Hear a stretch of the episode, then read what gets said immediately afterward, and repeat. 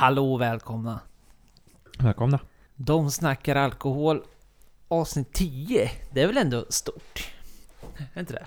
Jo, det är många veckor. Ja, jag, jag ty- tyckte jag läste någonstans att liksom medel ungefär för en nystartad podd är att man kör ungefär åtta avsnitt, sen dör de.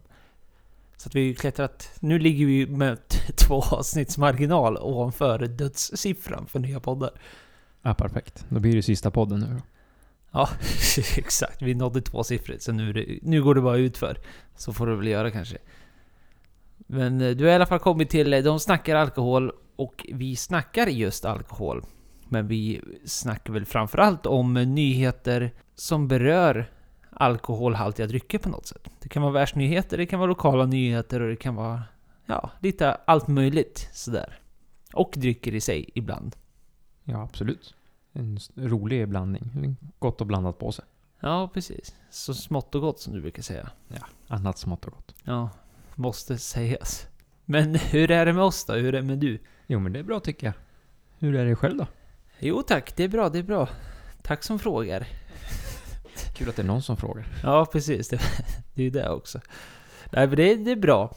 Och vad du har gjort, det behöver jag inte ens fråga om. För att vi har ju faktiskt... eh, Eller ja, det är om du har gjort någonting de här senaste två dagarna, men... Nej. Nej. men annars har ju... Varför jag säger så är ju för att det, vi har varit på galej, du och jag, under helgen. Du och jag och en till vän. Och vi har gjort eh, lite allt möjligt. Vi har varit på trevliga pubbar, trevliga barer och eh, Spritmuseet var vi ju på. Ja. Så att vi har ju ganska bra koll vad vi, vad vi varandra har gjort. Sen kan vi diskutera hur, hur, var och när och vad vi drack lite senare i avsnittet. Ja, precis. Nej, så vi mår bra. Vi har inte gjort något nytt sedan dess, så att säga. Så att, ja. Mer om detta senare. Vi dricker ju någonting till varje avsnitt. Och just det här avsnittet det är väl första gången vi är på ett återseende, så att säga. Nu dricker vi alltså en cava, Juvé on Camps, som jag tror alla hajar till där hemma i stugorna. Jag tänkte, ja där har de nämnt på veckans släpp en gång och det stämmer. Det har vi ju. Jajamän. Så det är första gången vi faktiskt dricker någonting efter att vi har nämnt det på veckans släpp. Ja, jag tror det. Och det är väl kul. Och det, det här gjorde inte en besviken. Nej, den är Fan vilka bra trevlig. råd vi ger. Ja. Ja. ja, vi kan ju det här. ja, tydligen. Bra, bra att få svar på tal ibland. Och det, det roligaste med det här är ju att du åkte till en liten mindre ort och gick ner i en liten källare, typ nästan Sveriges minsta systembolag. Och där fanns det två flaskor. Ja, det är förbannat otippat.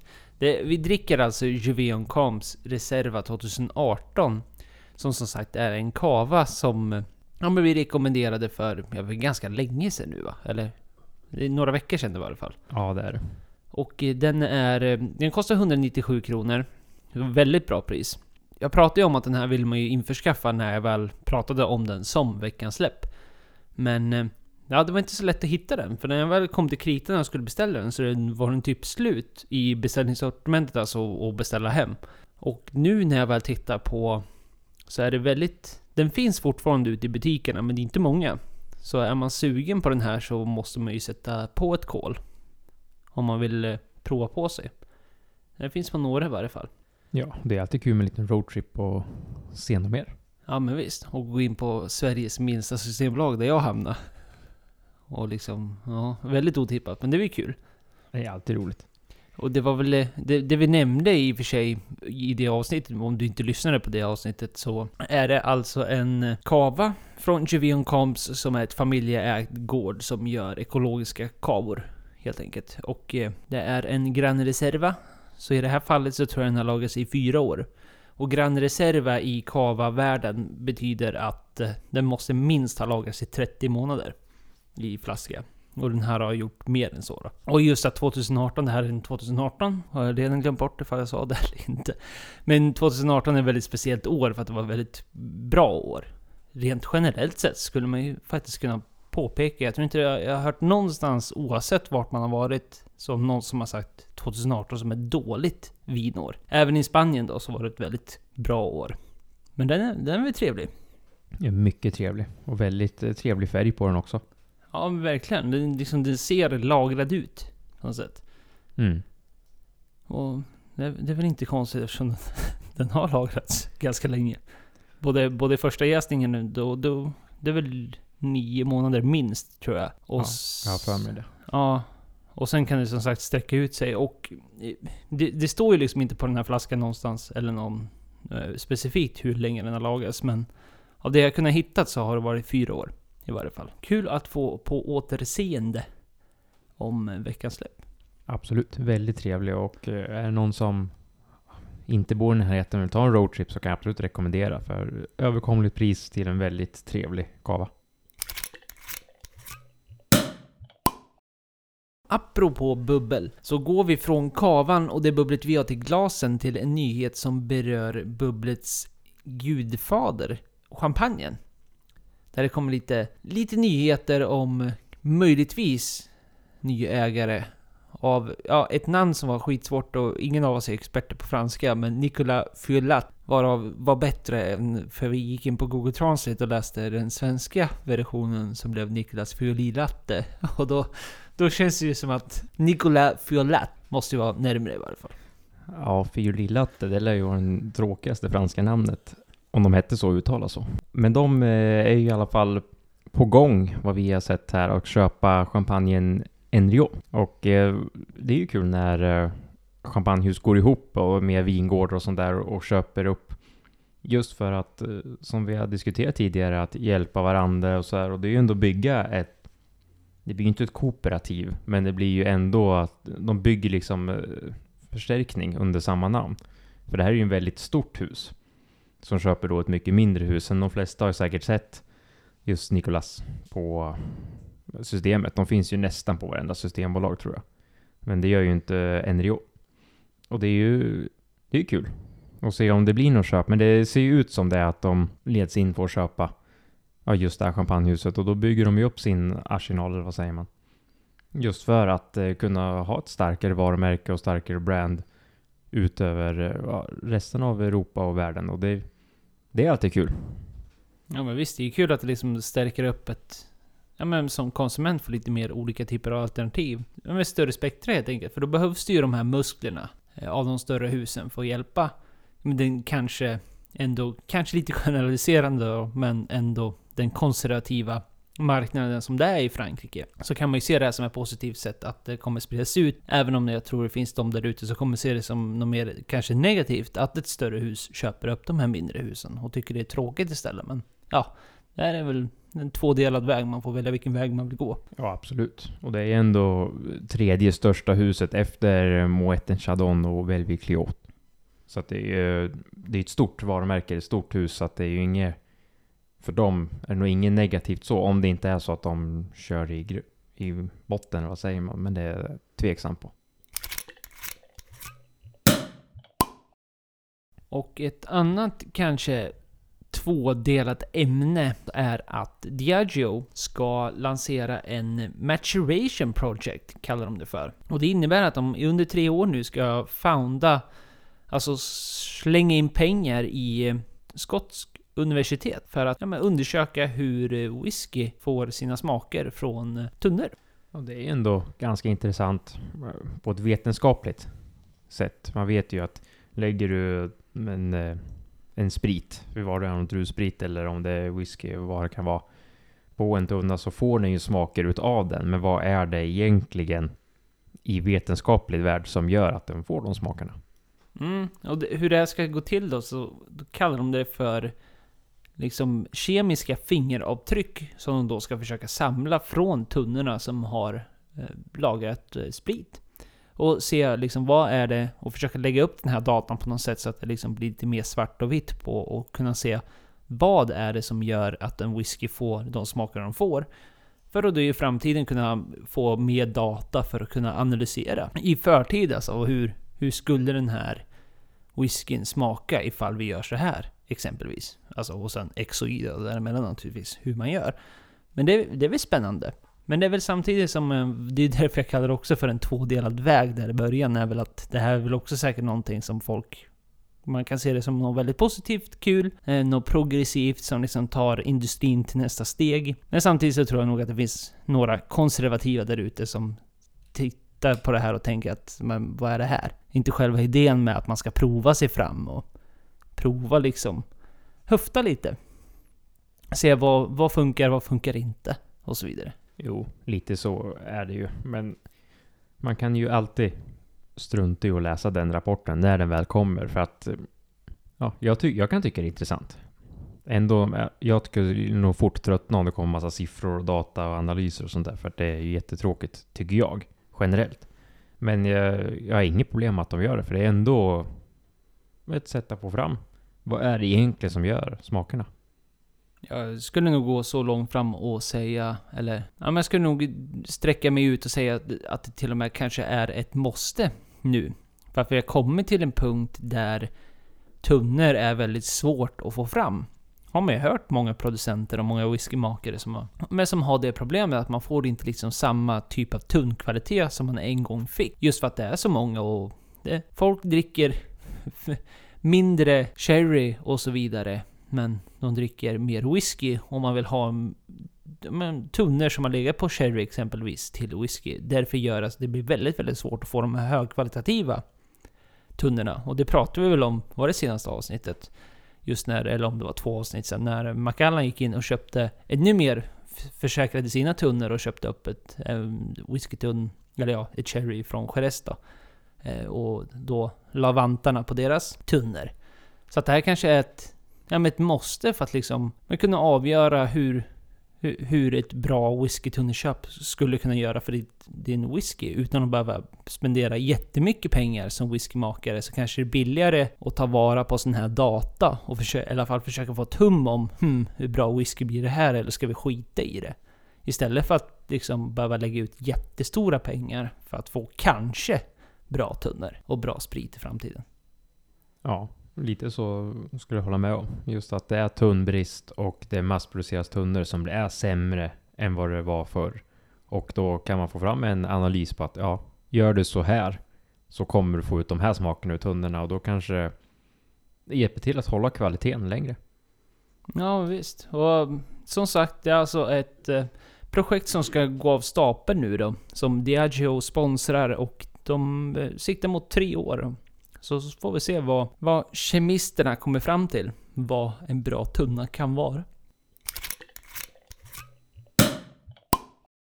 Och en annan kul liten nyhet är ju att eh, Mariestad samlar på svenskodlad malt. Väldigt bra för både, vi pratar om eh, med svenska producenter och råvaror och sånt där. Så ska de göra en, ja, en öl som eh, de har gått ihop i samarbete med Lantmännen. Där maltkorn eh, har odlats mer via klimat och natur. Och så har de köpt in en mängd då och så ska de lansera det på Scandic-hotellen. Och det finns ju ganska många Scandic-hotell här i Sverige så att jag tycker att det är ett väldigt bra initiativ av en stor ölkoncern att gå ihop med en annan svensk producent och gynna svenska klimatet och svenska bönder och alltihop. Ja men visst, och det här såg vi ju på... Men vi hade ju en öllista bland annat, så vet vi att det är många som dricker Mariestads och vi vet att Scandic har... Men är det Sveriges största hotellkedja? Det måste det väl ändå vara? Tror det. Nu höftar vi brett här, men nu låter det Man vara ser ju så här. Scandic överallt. Ja, så är det ju. Jag menar, det är Scandic, jag tror nästan de, de absolut flesta har bott på Scandic i sina dagar. Så det är ju naturligtvis jätteroligt att en sån, precis som du säger, att det är en så stor koncern som tar det här alternativet. För att då blir det ju skillnad. Och det här initiativet läggs på i den boken av tidigare samarbeten de har haft. Exempelvis så har Spendrups och eh, Scandic haft ett annat typ av hållbarhets vad ska man kalla det för? Hållbarhetskoncept. Där de faktiskt byggde en öl. Så 2019 så lanserades Zero Waste Ale. Som var då bryggt av överblivet bröd från olika typer av Scandic Hotel.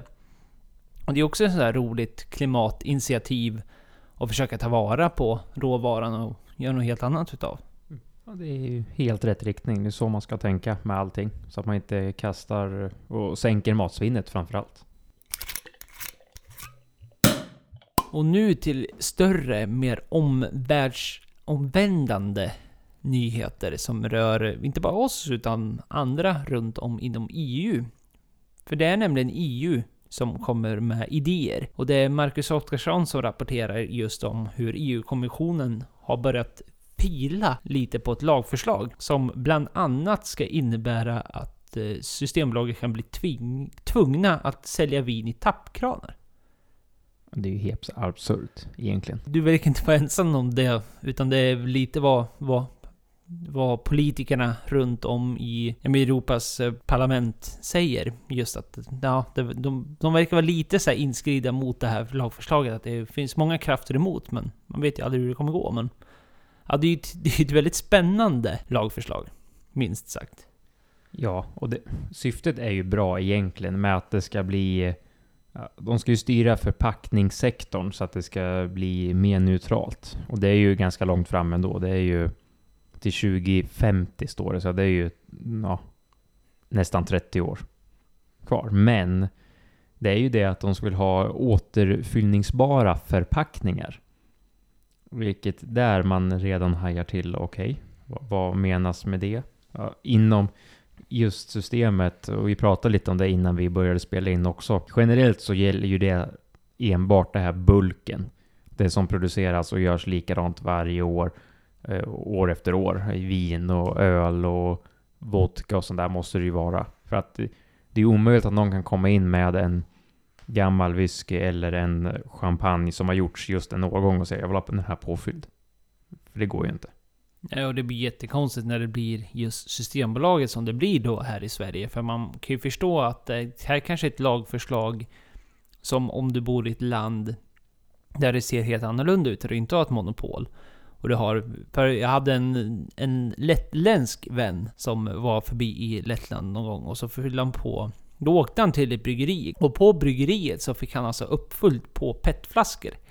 Så, och köpte till mig. Så då fick jag öl som liksom var direkt upphällna från bryggeriet i, ja men tappkranar det här då, i vanliga petflaskor som jag sen fick. Och de var ju helt fantastiska. Och det är ju bara ett exempel på hur, hur det kan se ut i andra länder. Nu är ju vi i Sverige och vi har vårt monopol och vi har inte gårdsförsäljning och vi vet inte hur det här ser ut. Men det blir ju så konstigt också när sådana här regler blir inplacerade i ett land som har alkoholmonopol som vi har, för då blir det ju Systembolaget. Alltså att fylla på och tappa upp vin, precis som du säger. Det, men kanske, kanske inte alls konstigt om man tänker om ett större vinland, eller en vingård som eh, har sina typer av ja, standardviner som inte är något vintage eller någon årgång belagt på det just det sättet, utan det är någonting som ja, men säljs nästan på löpande band. Att eh, där kanske det ja, men blir smart på något sätt, att du kan liksom bara fylla på en typ av, ja vad det nu än är, det kanske inte är en petflaska just, men ja men vad det nu kan vara. Men som sagt, det blir väldigt omvänt när det väl blir Systembolaget. Ja, och eh, det som de pratar om är ju verkligen, som du sa, tappkranar på systemet. Och är det då mer man ska gå och fylla på själv, eller ska de stå och fylla på? Och visst, eh, det finns ju många mm, dunkar med vin som egentligen man skulle kunna fylla på istället för att köpa en ny kartong, ny påse och ny pip. Det är ju absolut ett bra miljöspar att inte behöva köpa dem en gång till. Men jag vet inte om det känns så himla fräscht att gå och fylla på den där om och om igen. Ta med sig sina påsar och bara här, jag har de här tre dunkarna jag vill ha påfyllda. Men sen är det absolut för klimatsmart, ja, men det känns som att det finns väldigt mycket som det inte alls kommer funka för överhuvudtaget. Mm. Idag har vi inte alls några typer av exempel på vad det här kan röra, utan vi vet ju bara om att det handlar om tappkranar på något sätt. Och att det rör om vin. Och att det är en del utav det här står det verkar ju vara större. Själva lagförslaget verkar ju innehålla mer saker än bara det här då. Men i det här exemplet så vet vi inte heller hur det kommer se ut. För det som du säger, det, liksom, det enda vi vet är att det går utifrån en typ av klimatpåverkan, försöka dra ner det. Och det vet vi ju idag. Att det absolut miljösmartaste du kan köpa, det är ju en dunkvin. Den har ju absolut minst utsläpp och så vidare. Men eh, ja, det är kanske för tidigt att börja vifta med, med hela handen så att säga. Men det är ju ett intressant förslag. Och det låter ju som att det kommer gå sådär i varje fall. Men Ja, om man tänker på hur mycket spill det kan bli också. Beroende på vart man är i landet och hur mycket man säljer och hur stora systembolag man har. Men säg att ett systembolag säljer två dunkar i veckan av en vin. Vi tar vin som ett bra exempel, för du kan fylla på den dunken. Men sen så får de in, inte vet jag, 20-30 liter som ligger i en, eh, vad ska man säga, en containerbalja under. Den lär ju förändras med tiden och vad händer om folk inte köper upp den och ska hälla ut allt det där för att köpa in en ny? För att det inte blir dåligt eller ändra smak och sådär. Så att ja, det känns inte helt hundraprocentigt. Nej. Ja, återigen, man får väl se. Men det, sen känns det väl, eller känslan är väl också att det liksom... Jag menar, det måste ju handla om någonting som är ett, liksom ett fritt val. Alltså det är snarare ett tillägg snarare än att någonting annat försvinner så att säga. Det är inte direkt så att glasflaskor kommer försvinna. Men ungefär som boxvinet. Jag tror det är många där ute som tycker det är en skitbra lösning. Då att det råkar vara klimatsmart, visst. Men just för att man får de här bulken för ja, men, schysstare pris och smidigheten. Att ska du ha ett större sällskap över eller någonting, att du bara häller över din karaff och sen är det så funkar det. Och just hållbarheten. Att det ändå håller ett par veckor när det väl är öppnat. Och sen får vi som sagt se vad det här innebär. Men som sagt, jag har väldigt svårt att se att det kommer bli något typ av, alltså ett måste att ja, men man tar bort något annat. Utan jag ser det snarare som ett tillägg som återigen, vi har ingen aning så här tidigt. Men och i vissa fall då, ja men då kanske det är solklart om man ska ha en sommarfest på 50 pers och du ska ha något grillat. Jag menar visst, då kanske det är en skitbra lösning då. Att du får ta någonting och fylla på som du vet kommer gå åt dagen efter liksom, till ett stort sällskap eller någonting. Ja, vi får se helt enkelt var det här landar. Ja, absolut. Men en annan eh, re redan klubbad och klar regel är ju att eh, Systembolaget måste märka alla vin i hyllorna med en eh, särskild innehållsförteckning. Och det här har vi scrollat igenom det inlägget och det är svårt att förstå om det är producenten som måste märka, om det är Systembolaget som måste märka vilket då gör att antingen skulle de ha en egen informationslista och innehållsförteckning på allting, eller ska producenterna få fram en? Ska importörerna sätta på en? Det är lite halvoklart vad som gäller just nu. Men eh, att det ska stå exakt vad som innehåller i flaskan. Ja, och det är väl intressant att den liksom väljer att gå den här vägen just när det kommer till vin och sådär kan jag tycka. För att, just för att EU har hållit på med regler som det motsatta också inom vissa aspekter som vi inte behöver ta på tal nu då. Ja, det är väl också där, återigen, nu har vi ingen belägg för det här, men en liksom, en, ska man dra till med en killgissning inom det här så gissar jag väl också om att det här är bara någonting som Systembolaget råkar ut efter på grund av det paraplyet som heter EU och alla marknader de styr inom alkoholhaltiga drycker. Alltså det jag menar med att jag tror inte det problemet är nog inte Systembolaget i sig, för jag menar, vi har ju vårt monopol och Systembolaget, ja men säg och tyck vad du vill med det, men det kvalitetssäkrar ju ganska mycket inom den svenska marknaden. Att vi vet att det är schyssta grejer de importerar just för att det är statligt. Men jag tror det är många marknader runt om i EU som inte har det här. Alltså att du kan gå in på en ganska shady affär som inte... Ja men du, du har inte en aning om egentligen vad du köper. Eller om det du köper skulle kunna vara liksom, ja lite halvt B och så vidare. Så jag tror väl, det här, den här lagen är väl någonting som strävar just mer mot det så att säga. Att eh, försäljarna ska ha någon typ av ansvar gentemot konsumenten så att konsumenten ska veta vad är egentligen det man köper. Men ja, i vårat fall så det blir mer, mer arbete för Systembolaget men mer rent kvalitetssäkringsmässigt för våran del som svenska konsumenter lär ju vara begränsad så att säga. Ja, och då står det ju även i artikeln vi läser att eh, exempel kan ju vara en QR-kod på etiketten eller på hyllan. Och det är många som redan har börjat med en QR-kod för att få fram information eller historia eller något sånt där. Och det känns inte som att det är något jättestort problem. Om det bara är det. Och, och sen är det ju det att ja, kollar man i många andra länder, du kan ju gå in och köpa en brännvin eller en vodka. Så är nog säkert våran i Sverige på Systembolaget sämsta vodka är säkert premium jämfört med en del andra länder. För att du kan få tag i en riktigt hembränd vodka på plastdunk. Mm, nej, så alltså som konsument så ser jag ju bara positiva. Alltså, man vill ju ha så mycket information man bara vill som en konsument, kan jag tycka.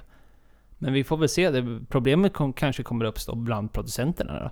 Och se vad, om de kommer börja härja om man, de kanske få dela med sig saker som skulle kunna vara men, icke konkurrensframkallande, eller höjande, eller vad kallar man det för? Att det liksom bryter någon typ av företagshemligheter eller recept eller något sånt där. Men, men det lär ju inte hända heller i och för sig. Det lär ju man kunna kontrollera. Ja, det tror jag också. Och nu på tapeten som det ändå har varit väldigt länge.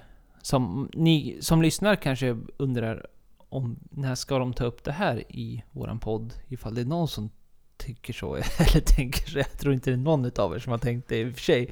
Eller bryr, bryr sig vad vi pratar om eller inte. Men det är ju just med gårdsförsäljning. För det har ju varit som sagt en het, ett hett ämne väldigt, väldigt länge. Egentligen ända sedan den nya regeringen. Då de gick ut ganska klart med att det här är någonting de vill kolla in på och lämna in en men en undersökning. Jag tror till och med det var regeringen innan den nya som sitter nu som lämnade in den, den utredningen. Ja, inte helt hundra, men i varje fall. Det har varit politiskt så har det varit ett hett ämne.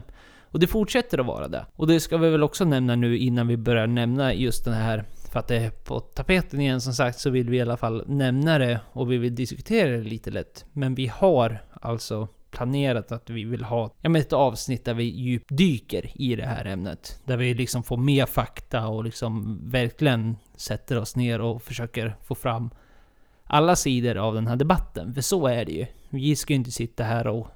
Vi kan ju sitta och tycka och tänka naturligtvis, men vi vill liksom... För dig som lyssnar så vill vi ju få en helhetsbild. Oavsett vad du tycker och tänker. Om just en sån ganska politiskt tung sak som gårdsförsäljningar. Precis, och eh, det är ju det att det, det, finns många positiva saker med gårdsförsäljning, men det finns också väldigt många negativa saker. Så man vill ju ändå hålla en ganska neutral perspektiv på det. Sen har ju vi absolut vad vi tycker och hur vi skulle vilja att det var. Men det är ju absolut inte så att vi är ja, gårdsförsäljning, lägg ner Systembolagen, men vi är samtidigt inte helt emot mot det så. Nej, och det är väl kanske lite det den här, just den här artikeln, eller det vi liksom vill föra fram, utan artikeln i sig kommer från Svenska Dagbladet och det är en debattartikel. Det är också viktigt att ta att det liksom är ju. Men om man... Eh, så det är ju skribenten som får säga sitt, eller stå bakom det vi använder just nu. Men vi vill bara nämna just som sagt, för att det är liksom, det är inte bara den här artikeln i sig, utan det är det övervägande ämnet som verkar komma åter och åter och åter igen. Men vi nämner lite snabbt då. Det de pratar om just nu, det är ju så att man har den här utredningen och så vidare som är igång. Och, eh, men sen kommer man in med det här stora hela, vilket är EU.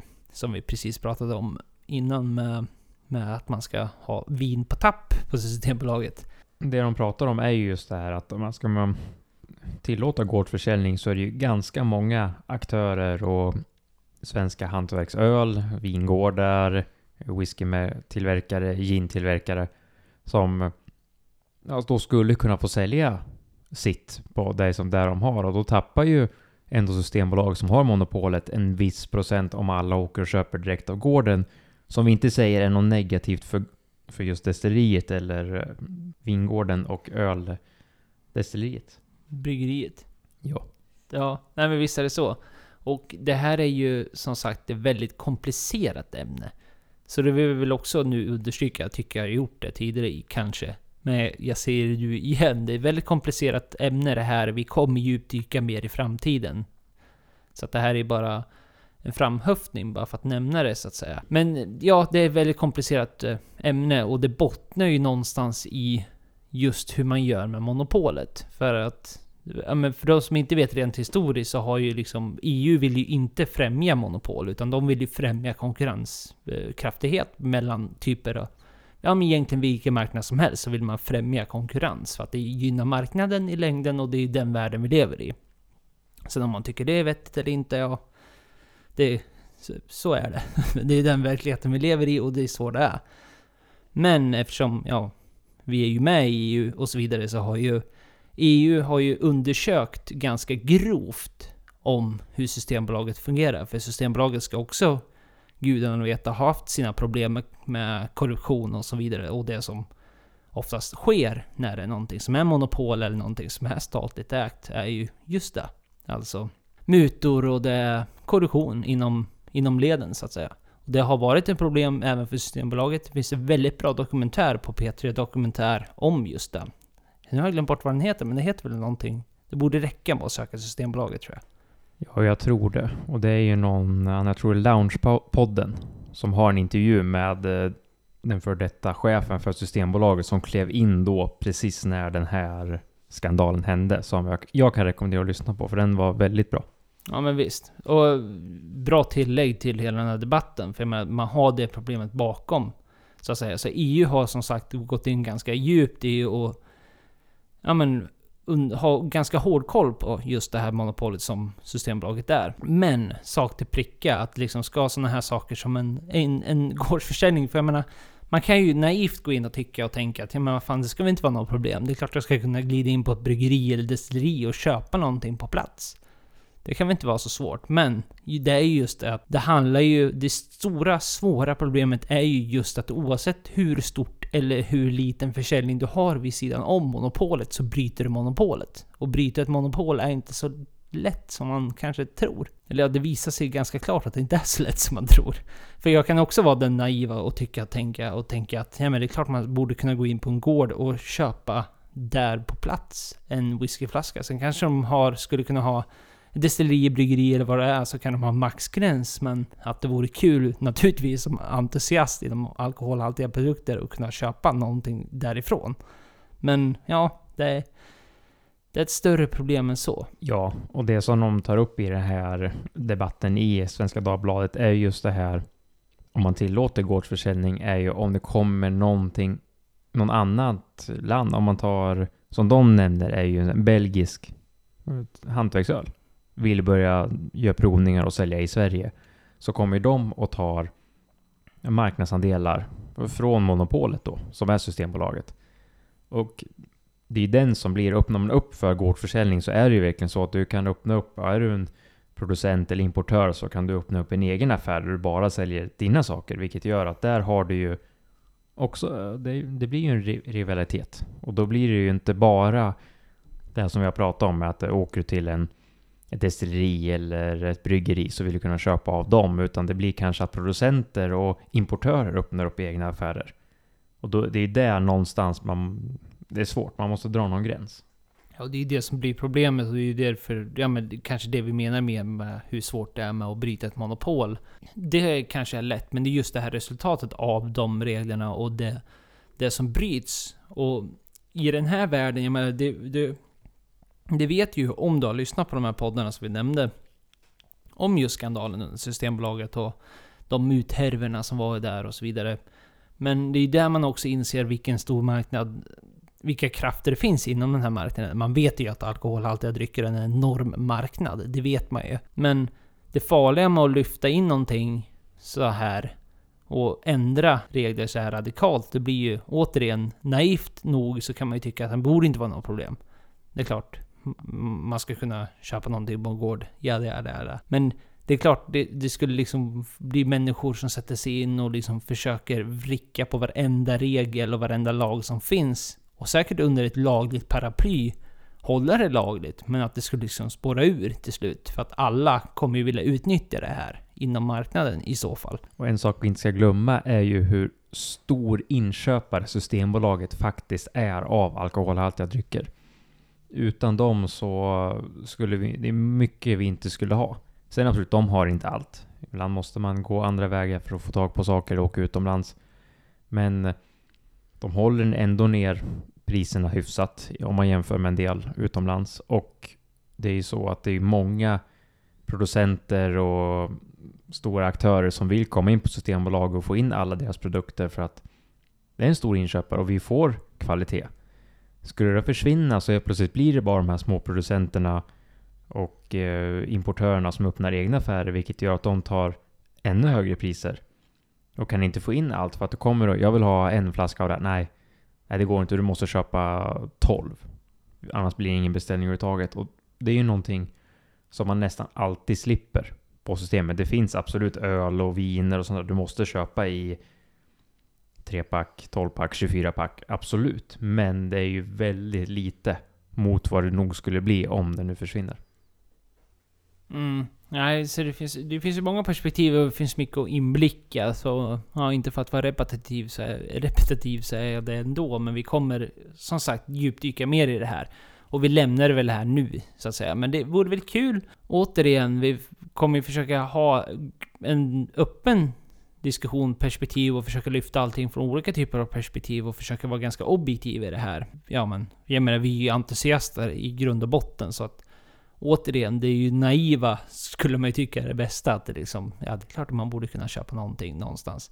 Samtidigt som man kanske har kvar Systembolaget för att det är bra och så vidare. Men ja, det åt sidan så vore det ju kul ifall ni nu, någon av er lyssnare som lyssnar nu, att skicka in vad ni tycker på kontakt disnackaralkohol.com. Skicka ett mail på dina typer av ja, men hur du ser på det här, alltså omgårdsförsäljning och så vidare, till det att vi kommer diskutera det mer djupdykt i framtiden, så vore det kul att se vad, vad ni tycker och tänker där ute.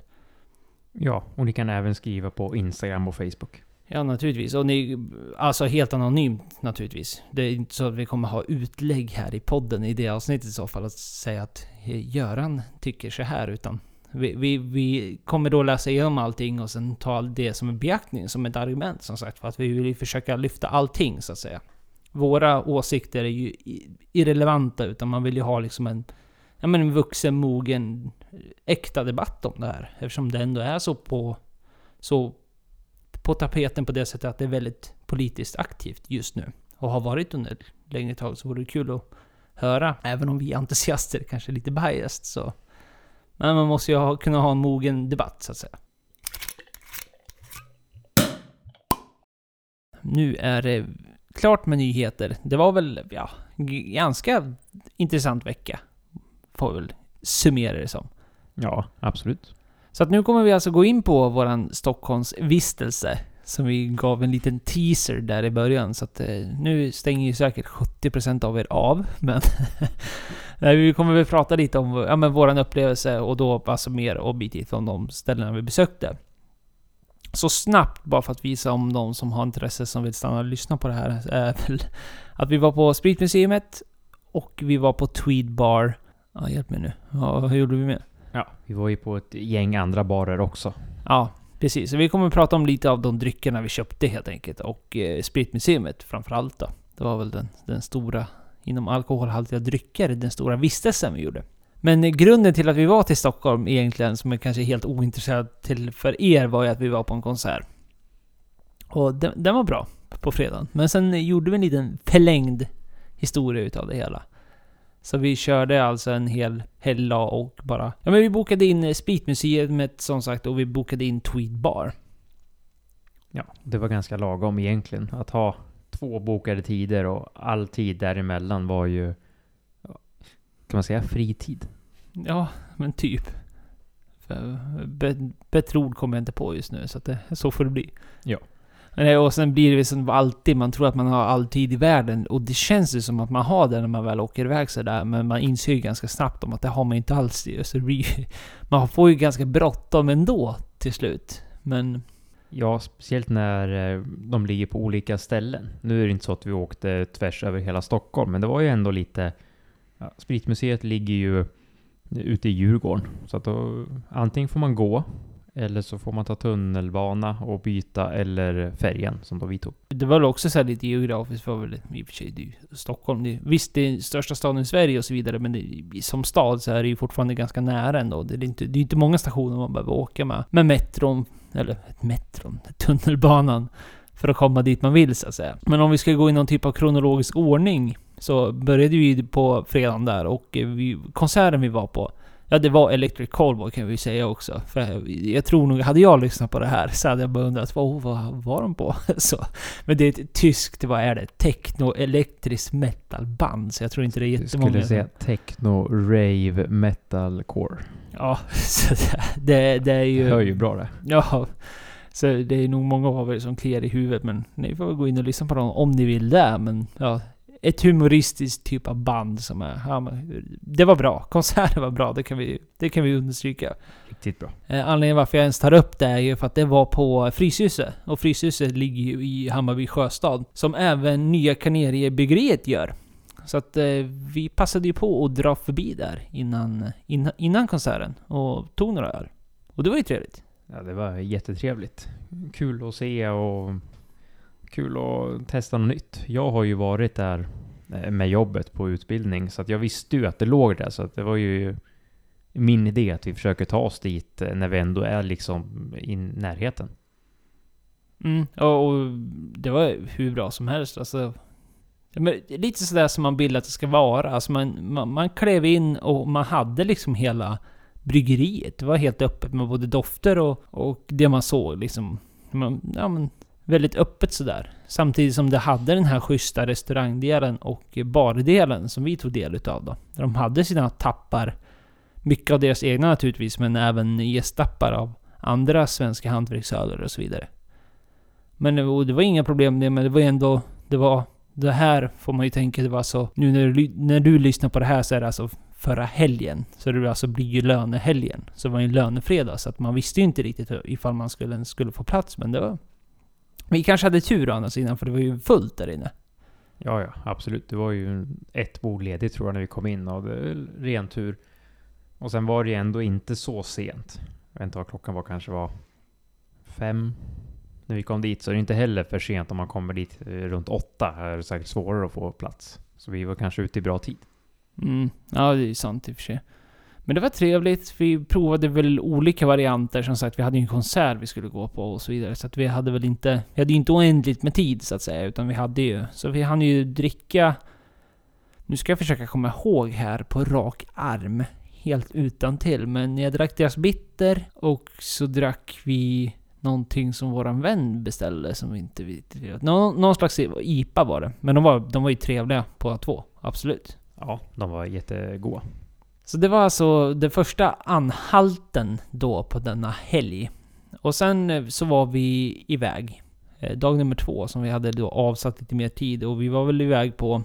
Ja, är det någonting vi behöver anmärka där? Har vi några parenteser där? Tror inte det. Vi tog några öl där på förmiddagen som man gör. När man är då inom parentes på semester. Ja, och det enda anmärkbara var ju att vi var så vi var så förskräckta, eller vad ska man säga? Det öppnade klockan 11. Vi var ju klara typ vid 9. Ja, redo. Vi var redo vid 9 och det var inget som var öppet så vi fick ju ligga, ligga på hotellrummet en stund och vänta in innan det öppnade. Och det kan man ju tänka hur som helst, men som, som du sa, vi, vi var på semester och eh, de som eh, uppmärksamma var förra helgen var ju ett riktigt skitväder hela helgen. Ja, och det dödar väl lite. Alltså man, man gillar ju att gå runt och strosa och bara hoppa in och köra lite på feeling. Men när det är sånt där skitväder så blir det ju inte så. Utan man fick ju ta... Man fick ju faktiskt researcha vart man skulle hamna någonstans. Alltså och så tog man sig dit. Men vi, vi satt i alla fall och tog några öl innan det var dags för Spritmuseet då. Och det var samma sak där. Nästa anhalt så hade vi bokat bord redan på Tweed. Så vi hade väl lite av en... Ja men en tidsplan att hålla oss till. Men Spritmuseet var ju Ja men det var väl 5 plus. Det ska ju sägas. Ja, absolut. Och vi hade ju hört mycket bra om det innan. Det var första gången du och jag var där. Ja men vi körde hela skiten. Vi körde en guidad tur. Som, eh, ja men är att rekommendera ändå. Den var, den var alldeles lagom. Men man fick en snaps. Så vi drack en eh, O.P. Andersson. Och eh, det var väl ungefär en halvtimme tror jag. Ja, jag tror det. Och det var alldeles lagom. Drog igenom lite Sveriges historia inom spriten, hur det började och vilka årtionden det gick igenom och vad som var populärt då och vem som drack vad. Och till Systembolaget kom in och när det liksom började bli mer monopol och även när det blev statligt, eller vad man ska säga. Mm. Nej, så vi kommer inte gå in på några detaljer så ni får åka dit och själva och ta reda på det. Men jag kan ju absolut rekommendera att ta den guidade turen. För det kändes som att Alltså man fick alltså en guidad tur. Där vi ingick nu det var en snaps. Som man gick runt med under den guidade turen. Och sen tog det ja, men, ungefär en halvtimme och sen fick man ju springa runt där själv och kika i sin egna takt så att säga. Men det var ju absolut, jag tror man missar mycket om man inte har guidade turen. För det liksom, man får den här bakgrundsinformationen som kan vara ganska spännande för sen när man väl går runt och kollar. På resterande av utställningarna de har. Ja, absolut. Och eh, tåls att säga att det var första gången både du och jag satt och småsmutta på en snaps. Vi båda tycker om att ta en snaps på högtiderna, men eh, det var första gången man gick där och tog någon sipp då och då. Det, det var inte så himla tokigt. Nej, verkligen inte. Alltså man verkligen reflekterar som man gör då. Både, både doft och smakmässigt, liksom vad, vad, vad är det man dricker? Ja, det, ja, som sagt som du sa, det var första gången man gjorde det med en snaps. Annars åker ju den i ganska lika fort som den hälsa upp. Annars när man väl sitter där på en högtid och äter sill. Men, eh, men det var bra. Och sen fick man slänga loss och sen vet inte jag riktigt hur det här kanske vi borde gjort lite mer research på då. Men, men hur ofta de byter ut utställningar. För att eh, de hade ju en öl... En öldel så att säga, där de hade... Jag kommer inte ihåg vad de kallade det för, men det var ju typ ölutställning, eller vad fan sa hon? Ja, mm, öl-experience eller något sånt där. Det var ju massa svenska hantverksöler uppställda och mycket är ju ändå för eh, utländska turister märkte man. Det var lite reklamer som gick och sånt där på eh, tvn som var lite småkul. Och det var ju även uppställning för midsommarfest i den andra som är vi som bor i Sverige och sånt har ganska bra koll på. Men eh, det var ju just den här öldelen var väldigt trevlig eftersom de hade mycket kryddor som de gör öl på som man fick lukta på. Mm, och det var väl höjdpunkten på hela... Med hela allt egentligen. Och det, där råder jag verkligen om du är en entusiast eller om, framförallt om du är en nybörjare. Eller om du liksom väl lite... Börjar bli lite varm om kläderna. Just för att... Ja, det var väldigt, väldigt nyttigt. Så det de hade var alltså humle och malt i burkar. Så att du, alltså, du kunde öppna upp en burk och så kunde du lukta på, ja men humle, amarillo. Hur, hur luktar det? Och citra, hur luktar det? Och så vidare. Så att du fick verkligen den här, ja men väldigt specifika, ja men referenser, alltså referensbyggande. Det är så lätt och svårt, eller det är inte lätt, utan det är väldigt svårt när någon väl säger någonting. Att ja, det här smakar mycket av det här, eller jada, jada, jada. Och det är ju oftast handlar det om referenser. Alltså vad har du druckit? Vilka referenser kan du ta till en speciell not? Oavsett om det är not, smaknot eller om det är en doft. Och det är jättenyttigt att göra den här skolan. Även för en annan som, ja, man är ju, jag skulle inte, man är ju långt ifrån en expert. Så det var ju svinroligt att gå runt där och dofta på olika typer av, både malter då, alltså olika typer av rostade malter eller vanlig malt och, ja men som används, ja, i stort sett allt. Både, både whisky och spriter. Så att, ja, väldigt, väldigt nyttigt. Ja, det var absolut bland det bästa. Och sen var det ju ändå kul, de hade ju en Absolut Vodka konstutställning där också. Som eh, var väldigt eh, det är roligt.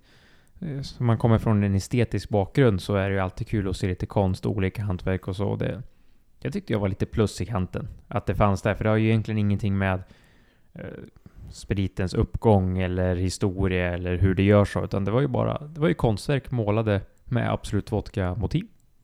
Ja, eller liksom hur, hur, hur stor betydelse, för jag menar Absolut Vodka har ju haft en stor betydelse för den, i alla fall den utländska synen på, på svensk sprittillverkning och svenskt hantverk sådär. Så att det, absolut, och de kör ju den här marknadskampanjen då, så du kan läsa och se mer om när du är på plats. Men ja, det flög ju så bara åt det helvete, det, det ska ju sägas. Det flög ju som bara den, den, marknadsföringskampanjen och det är kul att se, gå runt och se de här olika typerna av konstverken. Det var, det var kul. Väldigt kul. Och så avslutar vi med att ta... Ja, vi satt ju, du och jag och en till kompis. Tog jag och vår, vår gemensamma vän tog en varsin GT på olika svenska GTs, eller jeans. Och du tog en öl. Ja, Nynäshamn Mysingen. Väldigt, Väldigt trevligt. Ja. Väldigt gott. Allting var kanon. Och det, det skulle också sägas alltså att eh, Spritmuseet ligger alltså, ja som du nämnde på Djurgården, så ligger bland alla andra. Det är Vika museum och det är ABBA museum och det är Vasa museet och det alla dessa museum. Men det är, agerar alltså som en bar slash restaurang kanske. Nu blev jag osäker. plötsligt, men det är det väl tyckte jag det såg ut som. Ja, grejen är alltså att du kan, ja men dricka där. Och de har ju väldigt... Fokuserar väldigt mycket på svenskt. Så svensk öl, gin, spriter och viner. Ja, väldigt trevligt. Rekommenderas starkt. Ja, absolut. Det är väl därför man får, fick gå runt där i museet också då. Och, och, dricka den här snapsen. Alltså smutta under undervisningen så att säga. Och det hjälper ju. Absolut. Det var ju bästa museet. Så borde alla museer göra. Tänk vad bra det skulle vara. Ja. Efter detta då så hade vi som sagt ett bokat bord på Tweed Bar, som det heter, som ligger i Gamla stan, Stockholm. Som är väl en eh, cocktailbar? Eller hur skulle du säga? Jo, Det är väl det de egentligen är mest kända för. Det, de ingår ju i en, eh, jag vet inte om man ska säga en kedja, där det är ju flera restauranger och, ja, som den här cocktailbaren ingår i som de, har- som de har haft. Och de förnyar ju sig hela tiden och byter namn och sådär. Så det är ju tillsammans med till exempel Flickan, Burgundy och Tweed. Och så är det ju några till som jag inte kommer ihåg rakt i huvudet så. Som är samma kon koncern om jag förstått det rätt. Det är ju samma lokaler nästan, alltså vägg i vägg och dörr i dörr och på in, innergården. Så det är ju nu... Vi har ju varit där tidigare och nu är det ju... Är det tre eller fyra år sedan vi var där första gången? Mm, något sånt. Det tror jag. Då vi också var på konsert dagen innan. Mm. Vi följde ett väldigt specifikt mönster inser man nu. Kanske lite tråkiga. Men då hade vi ju inte bokat någonting, utan då hade vi bara sett att det fanns. Eller jag hade sett och så här måste vi testa och vi klev in då. Och eh, frågade och det fanns tid i 50 minuter och vi satt oss där och jag blev i alla fall helt förälskad i hela det stället efter det. Mm, ja, men konceptet är väldigt bra. Och det är ja men unikt är väl känslan. Att det, de har... Konceptet är alltså att man sitter i väldigt schyssta fåtöljer. Oftast är det ju Chesterfield-fåtöljer, eller så är det Oxford-fåtöljer av olika slag. Så sitter man liksom... Man sitter väldigt, väldigt bra, ganska intimt så. Alltså, och glest mellan grannarna. Man sitter liksom ensamt i sällskapet, så att säga. Och dricker cocktails och spritsorter. Ja, man fick ju fram en liten eh, snacklista eller vad man ska säga. Och deras eh, spritbibel, som de kallar det. Och eh, drinklistan som de uppdaterar ganska frekvent. För jag var där i somras och det tåls ju också säga att de stänger ju Tweed under hela sommaren för att öppna upp, om jag tror det är Flickan eller någonting. För att de ska ha liksom uteservering och de andra ska få mer cred, så stänger ju de på vintern så öppnar de andra då. Så det går ju i omgångar. Så man kan ju inte besöka det här under hela sommarhalvåret egentligen, utan det är ju mer höst och vinter. Om du lyssnar på det här och blir, får känsla eller blir sugen så... Ja, det är bråttom. Tiden börjar rinna ut inför sommarstängningen. Ja, och det ligger ju på Lilla Nygatan 5 i Gamla stan då. Och vi kan ju varmt rekommendera det för som sagt den här rye-drinken vi tog, den var ju fantastisk. Mm. Ja, men man kan ju verkligen, som sagt, det är cocktail som gäller egentligen. Du kan ju naturligtvis beställa in en öl. Men eh, nej, tanken är ju att du ska ta en cocktail av något slag. Och eh, spritsorter, för spritutbudet är ju rejält, minst sagt. Och då inte bara specifikt whisky eller något sånt, utan de hade generöst med både tequila, mezcal, burgundy, konjak, armagnac. Även calvados.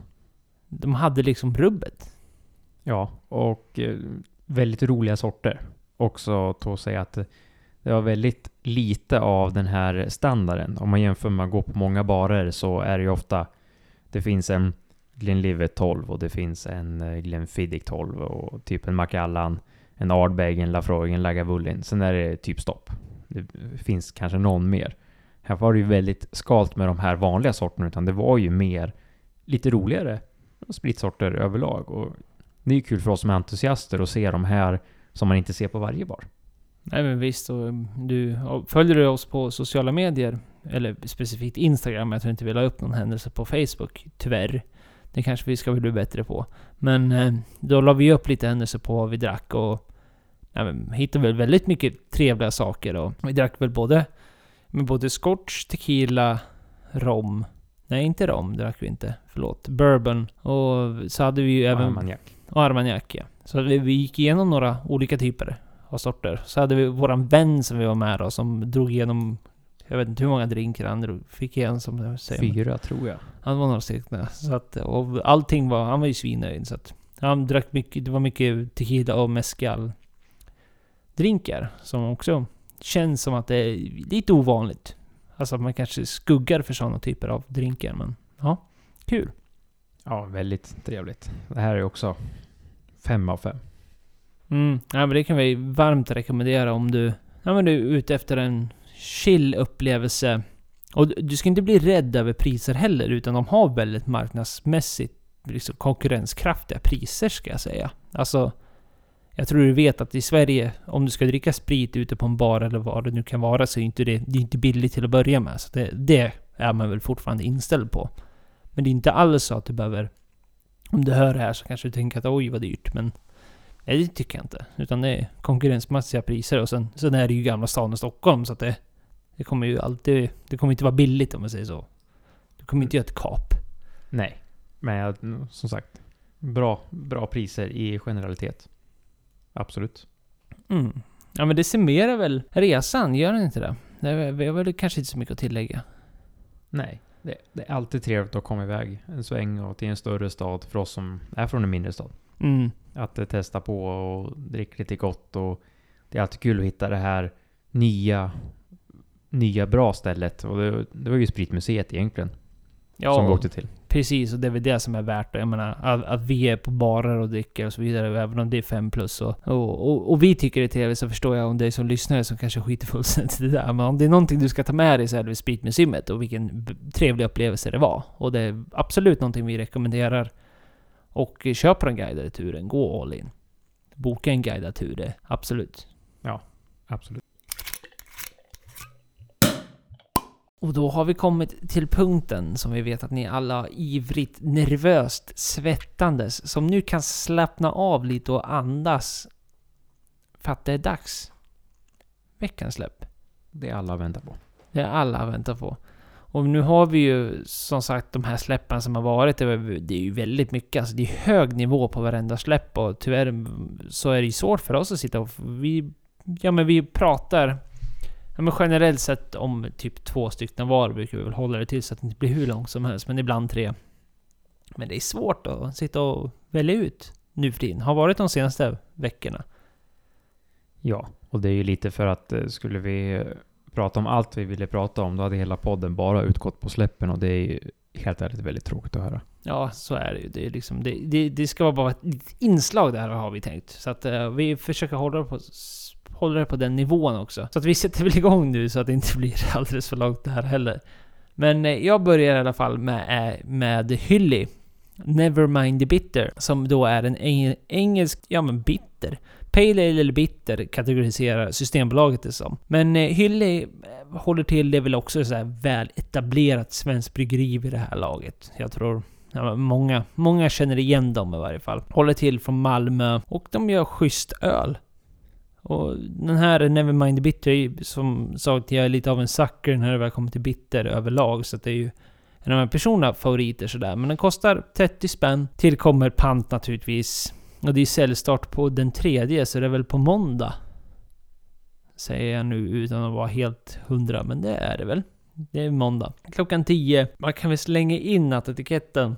För några avsnitt sen så, så släppte vi ett som hette just Nevermind the Bollocks. Och etiketten på Nevermind the Bitter är precis som Sex Pistols. Inte exakt då, men det är väl väl inspirerat i varje fall. Så den kommer man känna igen när den väl står där i butiken.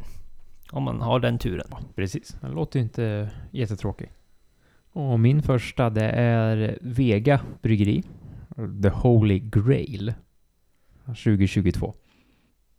Ja, det är ju en eh, quadruple ale. Och det är ju väldigt gott tycker jag. Det är, jag gillar sånt. Och speciellt om man tar delar. För det är en stor flaska, 750 ml. 11,3 procent. Kostar 159 och släpps tredje fjärde. Och det är absolut en... Det är, det är kul. Och som sagt, lite starkare men vi brukar vara duktiga på att dela på en sån och är man två till fyra stycken så får alla ett litet glas. Och det tycker jag, det blir mer gemenskap på det här. Och de har ju också hållit på en stund och gjort mycket god hantverksöl. Mm, visst, de håller till i Göteborg. De är faktiskt bara ett stenkast ifrån. Vi pratade ju om eh, Två feta grisar.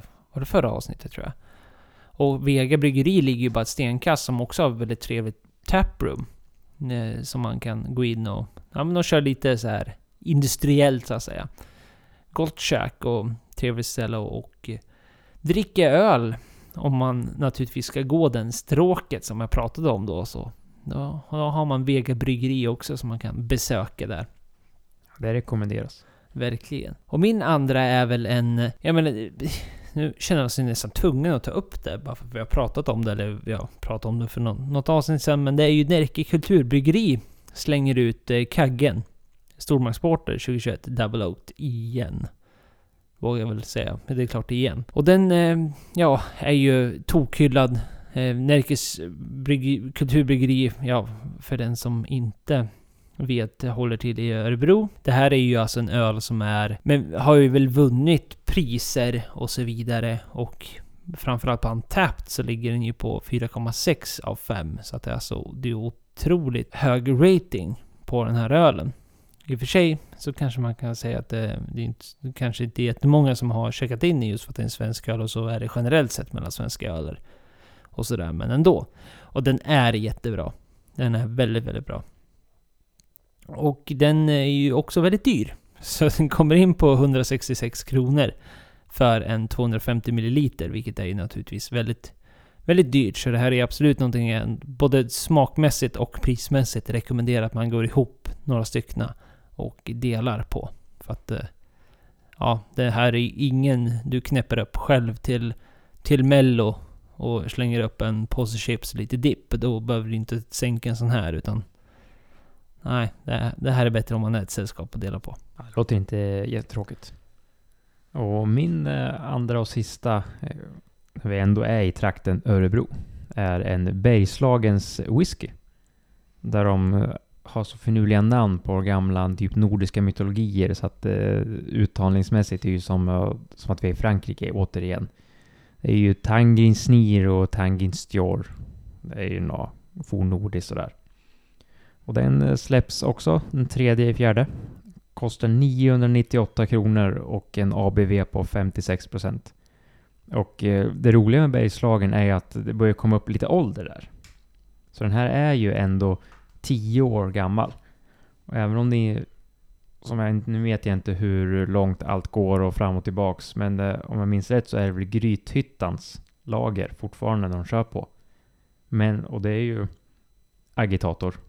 Så, eller de som är på agitator nu som tillverkade Grythyttan förut. Men det är fortfarande en eh, svensk 10-årig whisky. Eh, som är lagrad på bourbon och champagnefat. Och kommer en av 750 flaskor. Det kan jag absolut rekommendera. Jag tror att den kommer vara väldigt trevlig. Det var det där. Det var allt. Ja, nu är vi uppe på två, tvåsiffrigt och harvar där på avsnitt 10, så nu är klart för dagen. Ja, skönt. Och som vanligt så tackar vi dig för att du lyssnade och vi tackar för att du kanske hojtar om våran podcast till eh, de du tror skulle kunna uppskatta den. Andra entusiaster inom alkoholhaltiga drycker. Ja, absolut. Är det något du hör och tycker om så tycker vi om att höra från er. Antingen på kontakt alkohol eller en kommentar eller meddelande på Facebook eller Instagram. Mm. Och vi, våra mail slutar på com, inte se som man oftast, jag vet inte varför det blev, nu blev, är det så. Men Det är så internationellt. jag blir very international, så det är förvirrande. Men kontakta att vi snackar alkohol på com i alla fall. Det var det och vi hörs nästa vecka. Det gör vi.